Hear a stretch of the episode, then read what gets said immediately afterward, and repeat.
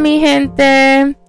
Bueno, les quiero decir que los hombres que no saben lo que están buscando en una relación, I think they're stupid. Porque si tú eres una persona que sabe lo que quiere, que tú quieres un long-term relationship con esa persona, pero después te das cuenta que la persona que tú creías que estaba buscando algo serio, pues no lo está buscando.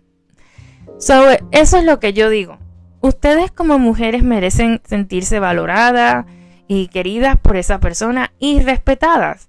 Ustedes no pueden sentir que una persona pues las esté forzando a hacer cosas que ustedes no quieren hacer. ¿Verdad? Y entonces yo pienso que lo más importante en, en ese momento es darnos a respetar. Ustedes no pueden estar sintiéndose obligadas por alguien que las esté tratando de decir como que vamos a hacer esto, vamos a hacer aquello, ¿me entiendes? Cosas que ustedes no quieren.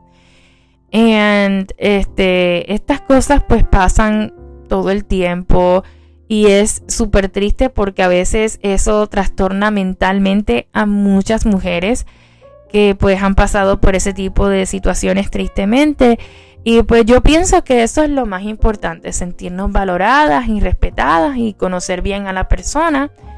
Y si tus amigos pues te presentan a la persona, pues mucho mejor todavía porque porque así tú sabes que tú no conociste a esa persona en una app, ¿me entiendes? Y pues yo pienso que eso es mejor.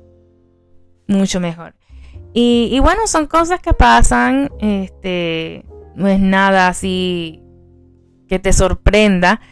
Eh, y nada, eso es todo lo que quiero decirles a ustedes que, que se sientan respetadas por esa persona, que las valoren, que no las usen como objetos sexuales, porque eso no son ustedes, ustedes son mujeres hechas y derechas y ustedes saben lo que quieren.